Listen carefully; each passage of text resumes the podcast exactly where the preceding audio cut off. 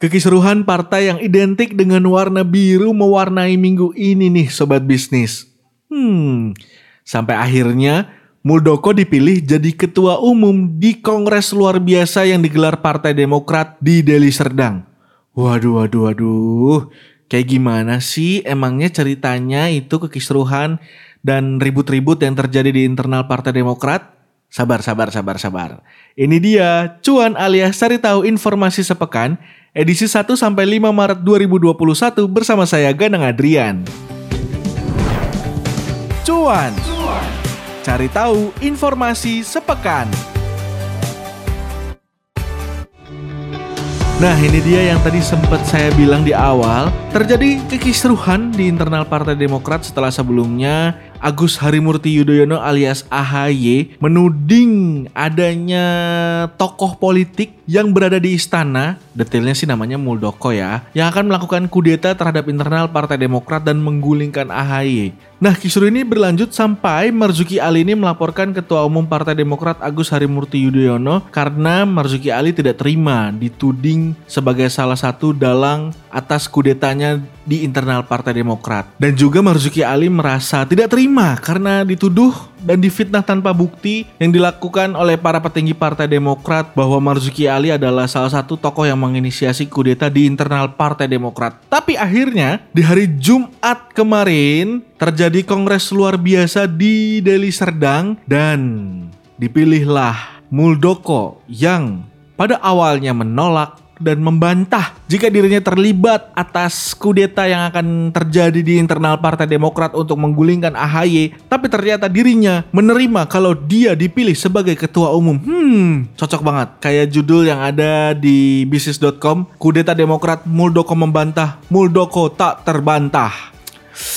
Tapi uniknya nih Pak Muldoko sendiri itu tuh uh, dihubungi lewat sambungan telepon, bukan datang langsung ke kongres luar biasa itu. Dan dia juga menyatakan kebersediaannya menjadi ketua umum dan menerima hasil putusan dari kongres luar biasa itu lewat sambungan telepon. Memang sih lagi pandemi COVID-19 ya, mungkin untuk mempermudah atau mungkin agak memaksakan ya.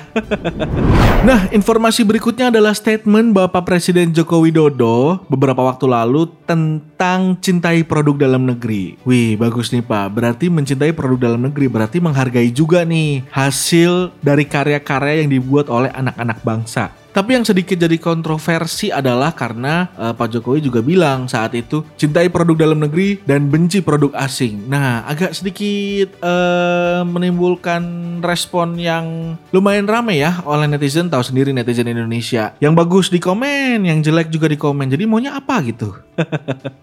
Tapi uh, Pak Presiden sendiri langsung merespon diharapkan kita bisa bangga terhadap produk-produk Indonesia. Nah, boleh juga kita nggak suka produk asing. Masa nggak boleh? Boleh kita nggak suka? Ya kan boleh-boleh aja kan nggak suka produk asing. Gitu aja diributkan gitu ya sama netizen Indonesia. Pak Presiden sendiri meminta uh, jajarannya harus benar-benar berbenah dan menggunakan produk dalam negeri semaksimal mungkin. Kalau perlu proyek pemerintah dan BUMN itu semuanya pakai produk dalam negeri. Karena Pak Jokowi ini yakin akan berdampak besar pada perekonomian nasional gitu gitu. Nah, ajakan Pak Jokowi ini sendiri harus seirama ya dengan apa yang dilakukan oleh para pengusaha-pengusaha dalam negeri. Dan Pak Jokowi sendiri ngasih saran nih supaya ke depannya para pengusaha Indonesia nih bisa lebih berkompetisi dengan produk asing dan jangan sampai kalah dengan produk-produk luar negeri. Misalnya dengan harganya yang lebih kompetitif, terus juga kualitasnya harus lebih baik. Dari sisi produsen juga harus terus diperbaiki juga kualitasnya. Misalnya memperbaiki packaging atau desain tampilan luar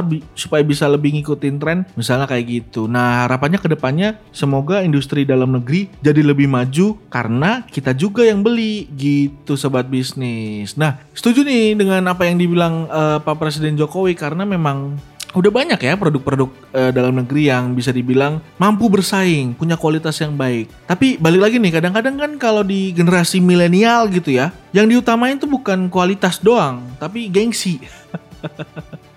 Jadi kalau untuk ngomongin gengsi agak susah ya kalau produk dalam negeri. Nggak juga sih sebenarnya. Padahal produk dalam negeri banyak yang berkualitas, banyak yang lebih keren. Cuman ya gitu, pakai merek dari luar dibilang lebih keren, lebih mahal. Nggak juga. Produk-produk Indonesia banyak juga loh yang lebih keren, yang harganya juga mahal gitu kan. Tergantung nih mau ngeliatnya kayak gimana. Dan tergantung juga nih berarti yang dipilih tuh yang kayak gimana. Nah ini juga didukung oleh Gubernur Jawa Tengah Pak Ganjar Pranowo. Dia sendiri bilang kalau memang kita harus mengecarkan eh, penggunaan produk-produk dalam negeri nih karena produk dalam negeri ini nggak boleh kalah dengan produk asing. Misalnya salah satunya yang sekarang lagi digencarkan adalah tes COVID-19 Genos C19 yang murni hasil dari karya anak bangsa dan dari Universitas Gajah Mada tuh. Tapi intinya sih apa yang dibilang Pak Presiden Jokowi ini benar nih supaya kita sebagai masyarakat Indonesia bangga terhadap produk-produk tanah air dan nggak menggunakan produk asing terus-terusan karena produk dalam negeri ini aja udah bagus kok, udah lebih keren. Nah sobat bisnis sih pasti inget nih salah satu slogan yang pro banget dengan kata-kata Pak Jokowi mencintai produk Indonesia. Cintailah produk-produk Indonesia. Oke deh itu dia tadi cuan alias cari tahu informasi sepekan edisi tanggal 1 sampai 5 Maret 2021. Terima kasih buat yang sudah dengerin. Jangan lupa buat follow dan juga dengarkan terus broadcast podcastnya Bisnis Indonesia. Jangan lupa juga follow dan subscribe terus komen YouTube channelnya Bisniscom di YouTube dan jangan lupa baca informasi-informasi terbaru seputar bisnis, ekonomi, finansial di bisnis.com. Saya Ganang Adrian pamit. See ya.